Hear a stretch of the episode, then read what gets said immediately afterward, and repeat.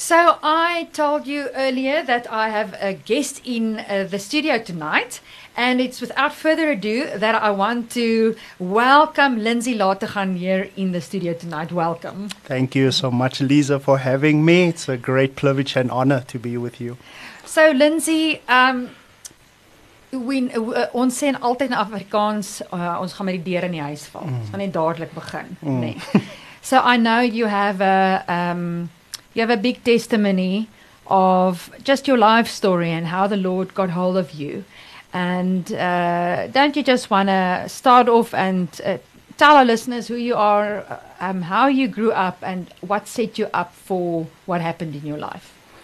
Well, yeah. So, man, a lot of people, you know, I, I come from the beautiful city of Cape Town. Oh, wonderful. Um, all the scenery, the beaches, and everything. And, you know, Cape Town is one of the biggest tourist destinations, not only for South Africans, but also for people across the world that flock the shores of Cape Town. And a lot of times, what happen, a lot of those people that come to Cape Town, they get to experience and see all the beauty and go back to their countries and they're like, wow, it's so amazing, but never really got to see the other side of Cape Town. Yeah. There's another reality that a lot of people are not aware of.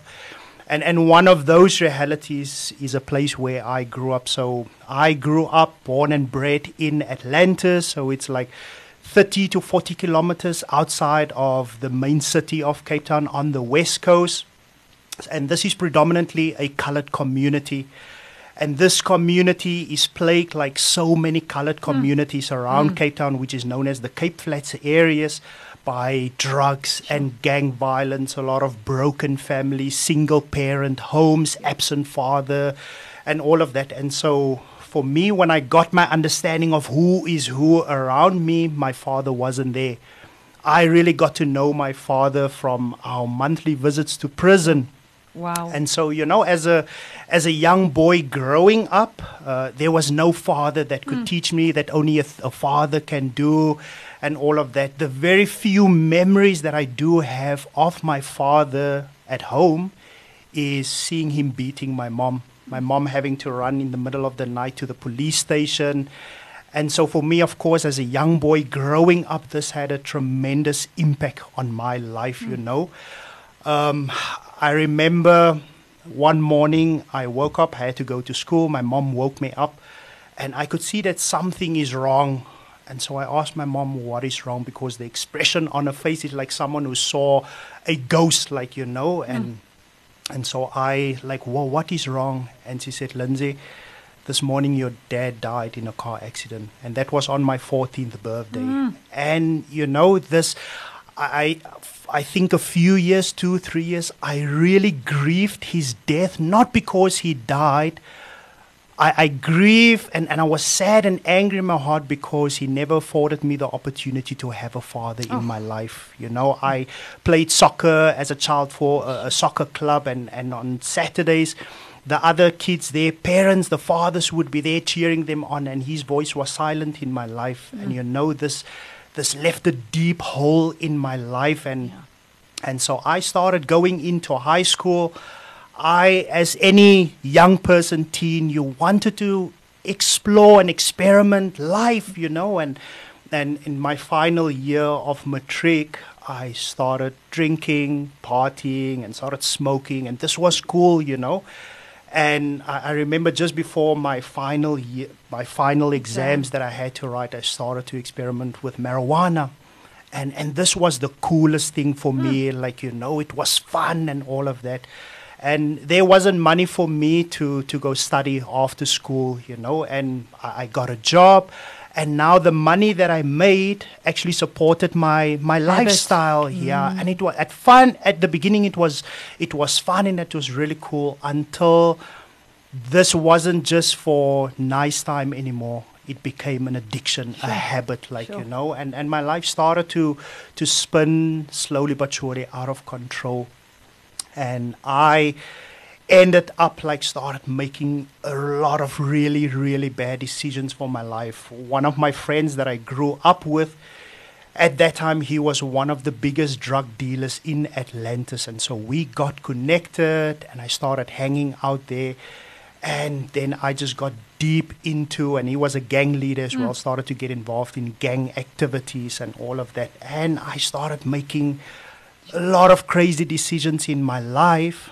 But, you know, looking back over my life, going back during the time that my father was not there, mm. one of the things that I'm really thankful for is a mother who knew the Lord Oh, amen. a mother who knew the Lord. And you know, she, Sure. I have two older sisters, and she took us to church on a Sunday. We were in prayer meetings, whether I would be sleeping under the pews, you would be in church and in Sunday school every hmm. Sunday. And I remember I was probably five or six years old. I remember so clearly, me and my wife, we spoke about it the other day, and you know, I remember standing in front in the Sunday school and we sang the song, Lord Jesus, come into my heart. Hmm. Come in today, come hmm. in to stay. And I, I made a friendship with Jesus. And I can so clearly remember that ever since that day, I always had a very strong awareness of God and, and a strong conviction mm. of when I did r- wrong. You know, I, I never knew what it meant. And you know, Lisa, when I was at my worst, man, me and my friends, we would sit and, and we are high on drugs, like, and then I would say, you know, the only thing that will save us out of this is Jesus. Sure. We need Jesus. And, Sure. and, and I knew, because I knew the mm. truth, I mm. knew it was mm. laid in my life as a child. I, I knew that it's only God that can change my life anyway. So went on on this journey like with drugs and gang activities until one day the police they caught me with an illegal firearm fully loaded with bullets and Sure. everything and as they loaded me into ba- into the back of the police van I knew that my life is over because you can get anything from 10, 15, 20, 30 Sure. years imprisonment for an illegal gun and whatever has Mm. been y- that gun used for and that would be on me and now I'm part of a gang as well and you need to stand for that, you know. And so anyway, I was in prison and I was like, yo, yo, this is crazy. So I appeared before the judge and they released me temporarily, withdrew the case me so that they can uh, do some some digging and Yes. also the gun was sent away for some ballistic test and all of that. They gave me a next day to appear in court as well. And so anyway, the day that I had to appear in court, I didn't show up in court, and so they issued a warrant of arrest for me. And so this one evening, I had just a great sense that something is going to happen. And early that morning, I just heard people at the gate, and then it was the police, and they came to arrest me. They picked me up and I appeared in court and there was no bail for me and they mm. sent me to Malmesbury Correctional mm. Facility. And you know, while I was there, I just realized that, man, this is not a place where I want to be because all your freedom is taken away and you are in a cell, a prison cell with 30 other guys. And these are hardcore prison gangsters 26, 28, and 27 mm. prison gangsters, guys that is on a waiting trial now and they are there for murder and all of these things. And here I am. And you know, one day while I was there waiting now to appear in court again, one of the guys he played a song on, on a radio, hmm. and somehow God just used this song to really touch my heart and speak to my heart. And I closed my head and I just burst out into tears and I cried. Mm. And you know, because I knew the truth, I Yes. cried out to God. I said, God, your word says, call unto me in the day of trouble. I will help you out, but you have to honor, Honor me. me. I said, mm. God, I will honor you with my life, but I mm. don't want to be here. Yo. You need to save me, God. I will change my life, God. You need to rescue me here. So after seven days of, of being in prison, I appeared before the judge. And as I stood in front of the judge, I just prayed in my heart, hmm. God, please, God, please, you need to help me. And you know, this judge, her name is Amanda Lucas, and she had a reputation of being brutal. She doesn't hmm. play around with any criminals, she puts you Yes. away. And I just stood there and I just prayed, God, please, you need to hmm. show up. And as she started, she opening the files, she burst out and just being angry. She said, I don't understand what is happening here today. the results of the gun had to be in court this morning, but it's not here, and everything is just a mess. And she scolded like the state prosecutors and everyone. And then she turned to me and says, Mr. Lategan, the court is releasing you today and withdrawing this case temporarily against you. May stand down. And I just saw the hand of God, God honoring His word. And I burst into tears and I walked away. I said, God, I need to change my life. And so, you know, now I'm free again. And, and I went home. I said, I ah. definitely need to change some things in my life. And that was very short lived. You know, I said, I need time mm-hmm. away from this gang to really mm-hmm. think about my life, what I want to do, and with my life.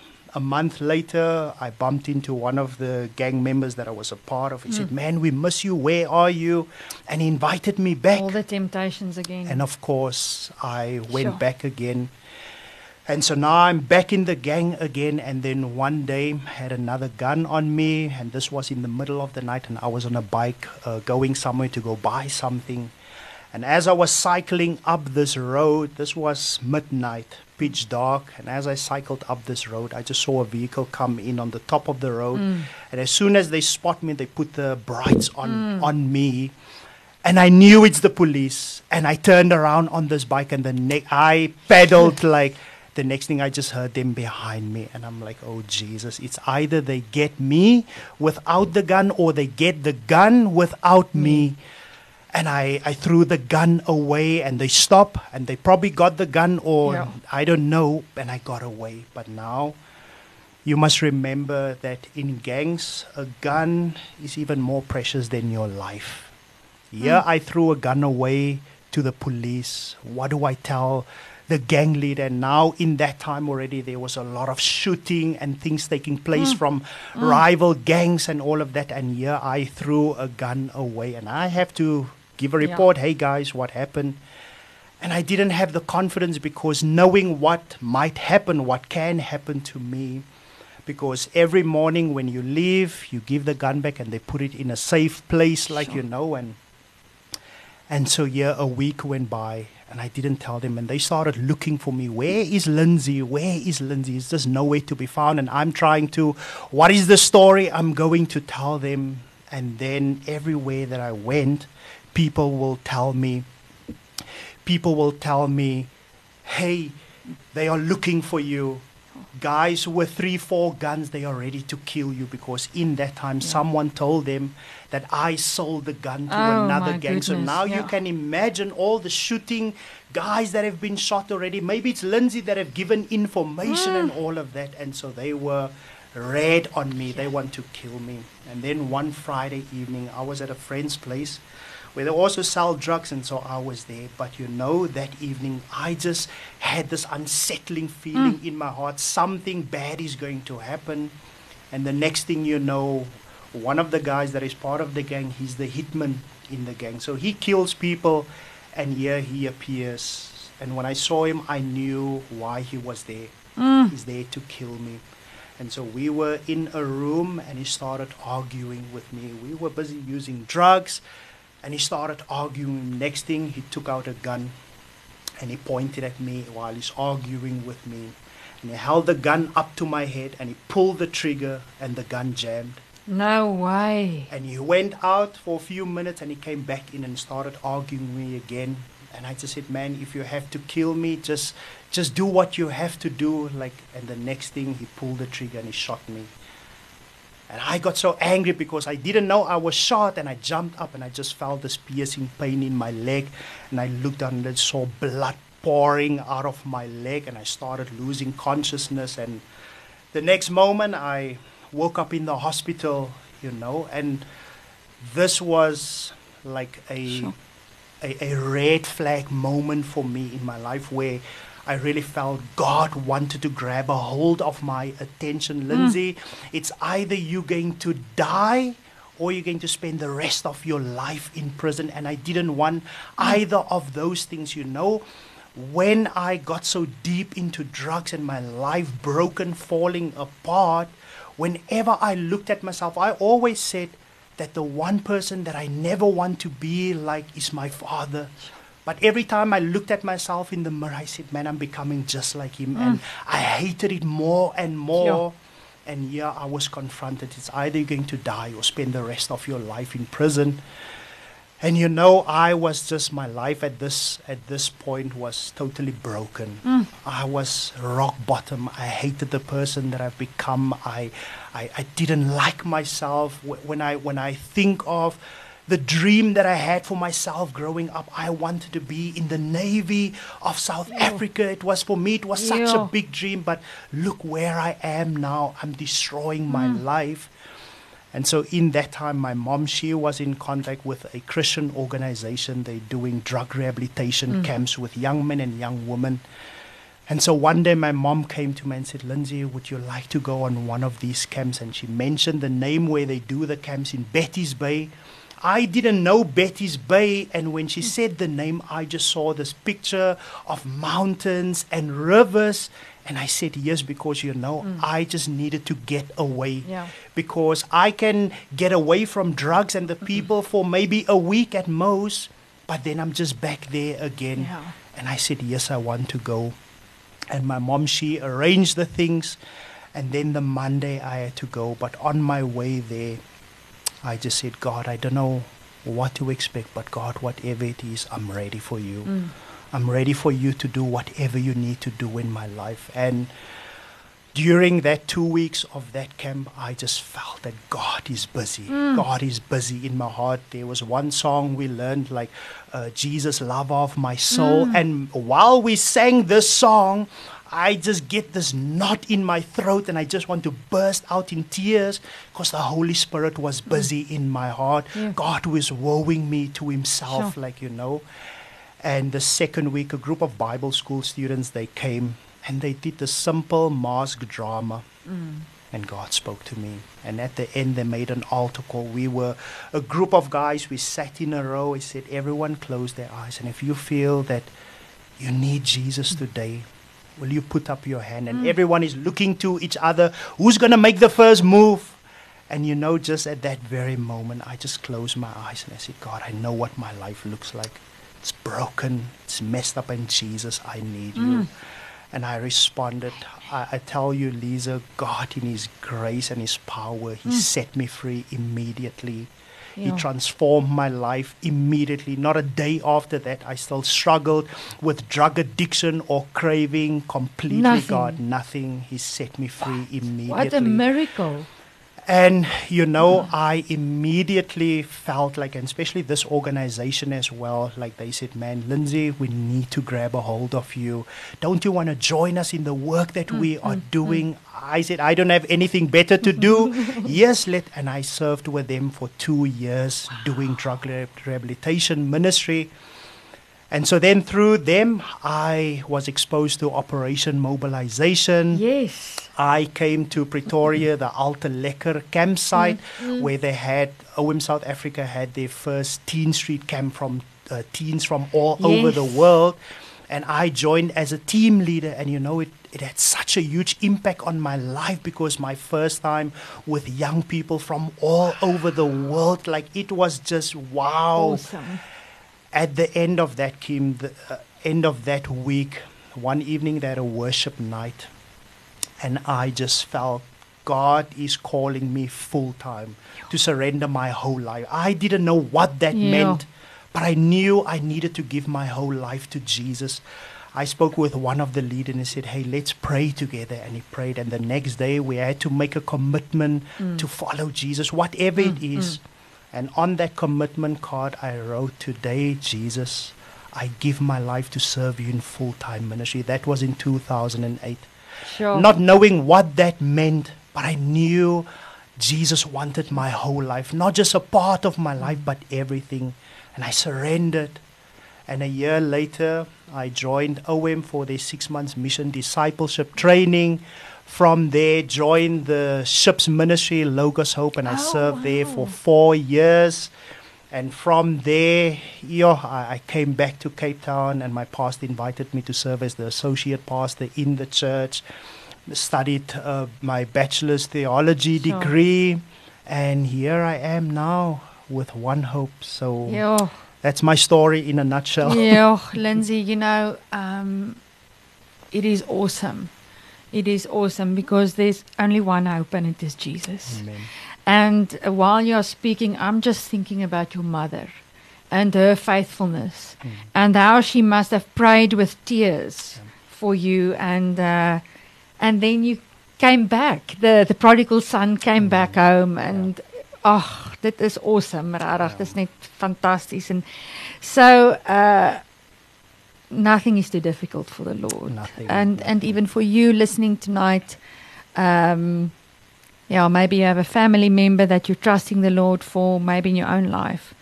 Uh, just know that the Lord can can do anything. He, anything is possible for Him. And yes, so now you're busy with One Hope, and Yeah. I'm uh, ek is baie nuuskierig om te hoor oor One Hope. Uh, you mentioned uh, that you are a ministry coordinator, but just tell us um, what does One Hope do, and uh, how do you fit into the Right, picture? That that is such a great question. So I think for anyone to to kind of understand the ministry of One Hope, I, I think is really just to understand the story of how One Hope was mm. birthed. Mm. So in 1987, One Hope's founder Bob Hoskins he received a vision from the Lord, and in this vision. God showed him how the devil, the enemy, had a plan to attack the younger generation. Mm. And in this vision, God showed him how fields of children were laying dead because of the attack of the enemy. And this attack would come through abuse, drug abuse, sexual abuse, immorality, Sure. disease such as AIDS, and mm, you mm. name it. And I just want to say, you know, this vision that God gave him, this is a reality now. Yeah, This is this is what we are seeing experiencing in our country. in 2020 and 2021 on News 24, there was an article where they said that for those two years during COVID 19, they've seen the worst increase in teen pregnancies 60% increase. But not only teen pregnancy, but girls as young as 10 years old mm. pregnant. Now, can you imagine? And so, this What? is the attack of the enemy on the next generation. Yeah. In Cape Town and the Cape Flats areas, you get young boys, 11, 12 years old, being recruited into gangs and they run around with 9 milli- millimeter pistols to kill people. And this is the attack of the enemy, Yeah. you know. And, and you look at what is happening across the world with gender identity oh, confusion really? and what is coming into the schools. This is the attack of the enemy. Mm. And, and he always attack, especially your Yeah. identity Yeah, absolutely. make them confused about who they are like you know and and so this obviously had a huge impact on Bob's life and mm. he found himself weeping and mourn, mourning for days whenever he would go outside and he would see a young family with children he would just break down and mm. cry. And so he went back to God and said God what is it that you want me to do with what you have shown me and God told him that the only thing that will rescue this generation is the truth that is found Amen. in my word. Amen. Take my word to every child, and you will do it through leaders. And so, so this was the birth of One Hope, like where Bob them started to write letters to uh, Ministry of Educations all over South America. And the Minister of Education in El Salvador, he responded, Can you bring the word of God to every school child, every school in our nation? And he found that it was just under 1 million children. And so when they started printing the hmm. book of hope for children to encounter Jesus through his word. And so One Hope used to be a distribution ministry. Yeah. But in 2010, when Bob's son Rob took over leadership, he really just felt that One Hope is not doing enough. Something needs to change mm, mm, mm, because when you just distribute, that is not going to really impact a child's No. life. And so this is where One Hope then transitioned to become an outcome based ministry. Okay. Meaning that each of our scripture engagement programs that we have is designed with the end in mind. Yeah. What is it that we want to achieve? So our mission is to affect the destinies of children.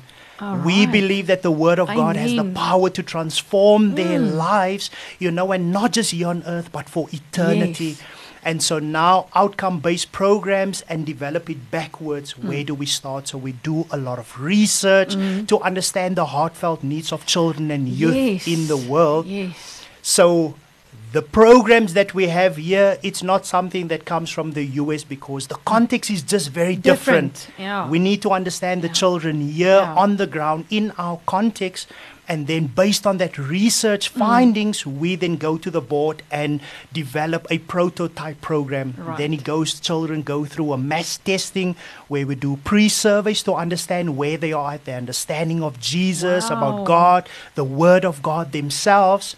They go through a program, whether it's like six weeks, eight weeks, 12 weeks, Yeah. and then do a post survey again to see what has changed. Listen, but this is a lot of work that goes into it. I mean, it is research, it's in marketing, it's, you know, finding out what's happening. So, what is practically happening at the moment? If, if I want to um, uh, ask one ho- hope to influence, say, for instance, a school or work in an area, what practically do you do? Um, yeah. So, so one of my roles, so this is where I come as the program coordinator, specifically with a focus of establishing key ministry partnerships for our work. So, you know, Lisa, that the church has been mandated to reach their communities, Amen. and that includes children and Yes. youth. So, when you look at research as well, you will see that.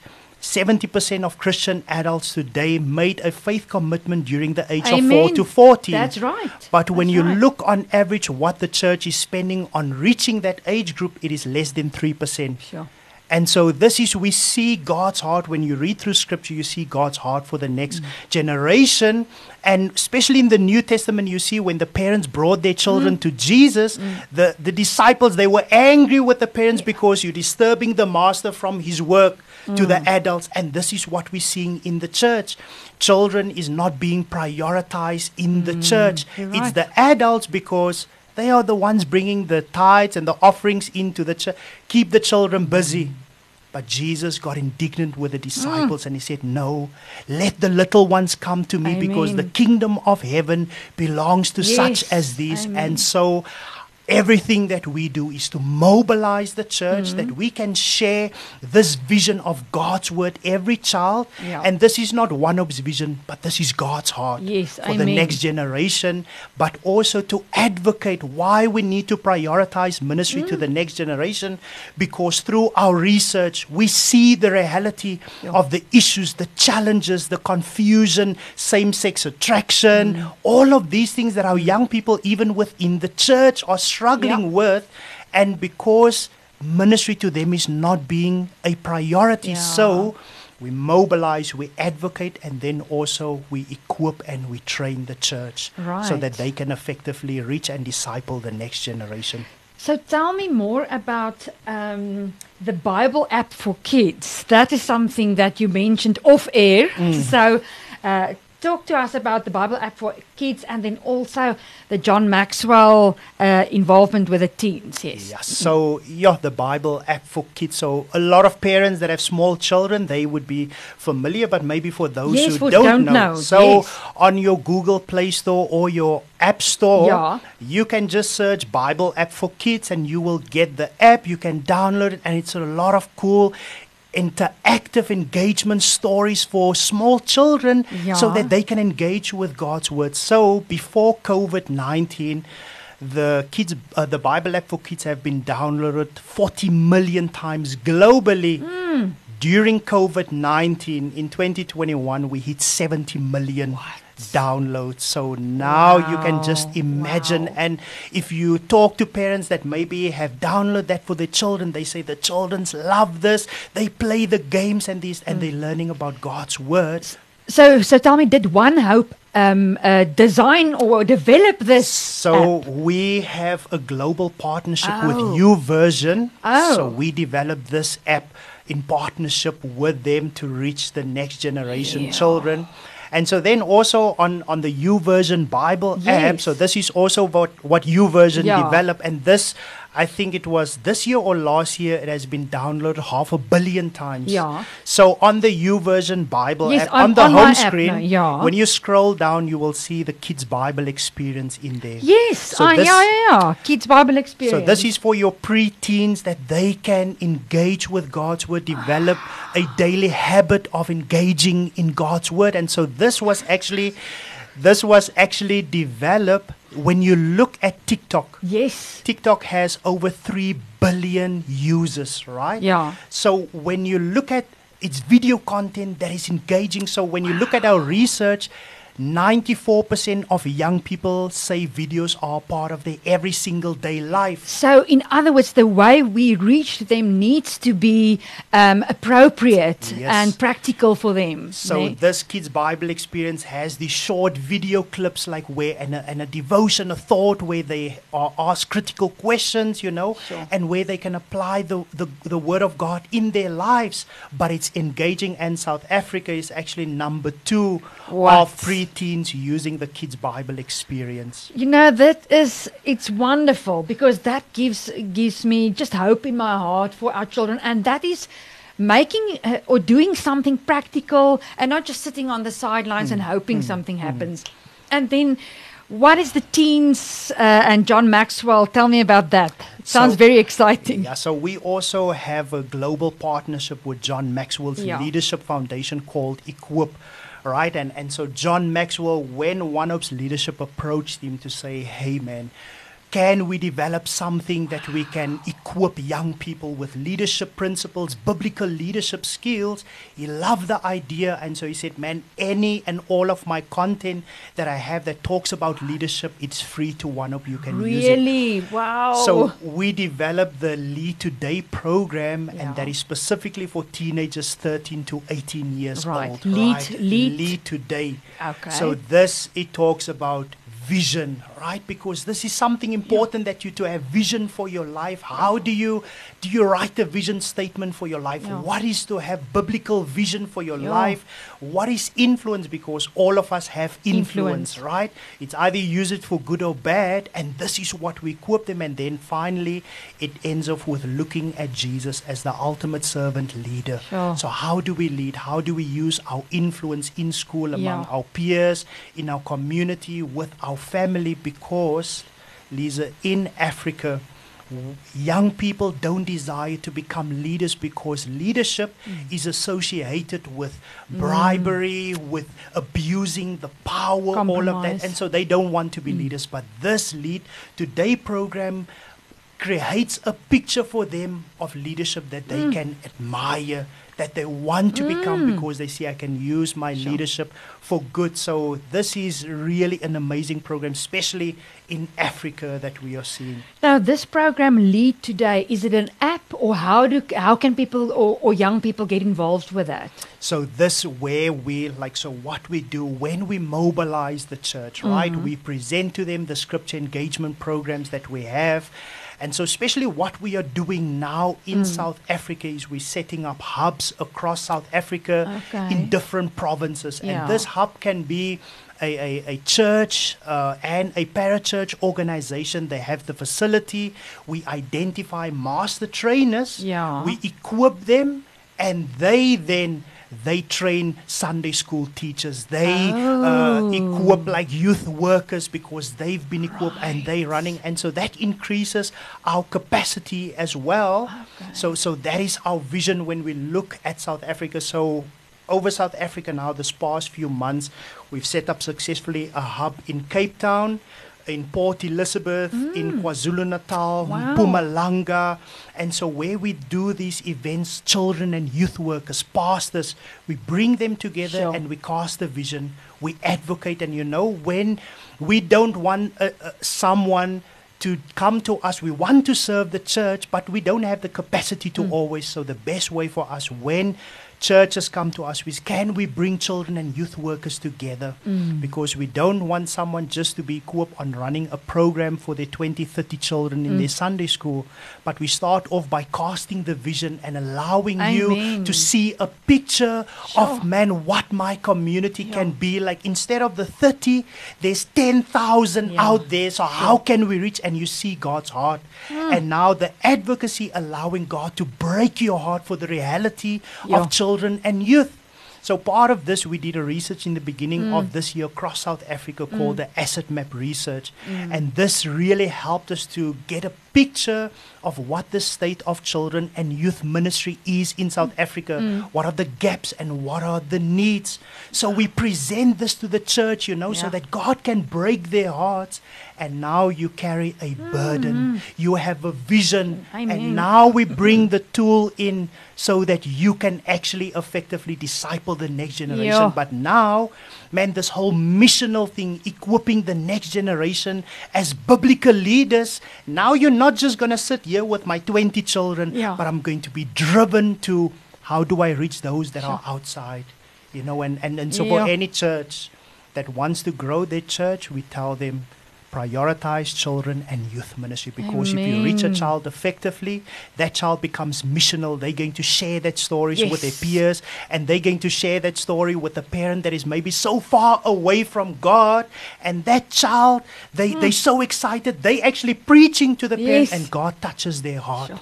and they come back to the church. So Listen, I must tell you, you are so passionate about what you believe in and about this ministry. I mean, it, I feel passionate about uh, about this, and it, it it's awesome. It's really really wonderful. And so, if anybody wants to get hold of Lead Today or input or training, how do they contact you? Well, so they can connect on our social media pages. Mm-hmm. So One Hope Southern Africa, they can drop us a, a, a message on our Facebook page or on Instagram if Yes. they're on a One Hope SA. Or you can contact me directly. So Lindsay Lategan at onehope.net. Or my contact number is 066 212 7138. Just give your email address again, and how do we spell your name? Okay, so Lindsay is L I N D S A Y L A T E G A N, Lindsay Lategan at onehope.net. Wonderful. Uh, Well, Lindsay, um, we have a few minutes. What would be your message, your input, your inspiration um, for a last few words to our listeners? Sure, man. I I really just want to. It's you know there's an urgency that we need to reach the next generation because if we don't reach them with the truth of God's word, the enemy is pulling them away. We're losing our young people, and you know there are just so much division within the church. Mm. But we can be so much more effective when we take hands together, when we work in partnership together, Amen. because mm. this is God's heart. Partnership, working Sure. together. In John 17, Jesus' prayer is, Father, I pray that they will be one as you and I are one. When the church, when we love one another, the world will know Yes. that we are his disciples. Amen. And so, man, no matter your denomination or your affiliation, the color of your church, that doesn't matter. At the end of the day, our goal is the same, and that is to reach the lost with the gospel. Amen. And that includes children and youth. So let us take hands together. And, and I know a lot of times we don't have all the answers. And so all our heart as One Hope is to come alongside you, to equip you, to resource you so that you can effectively reach the next generation. And so all the resources that we have, we don't sell that to the church, mm. but it's to serve the church. Sure. To serve the church. Amen. Amen. Amen. Lindsay, thank you so much for your time, your passion, and just your inspiration this evening. Thank you so much, Lisa, for having me. It has been an absolute pleasure to be with you.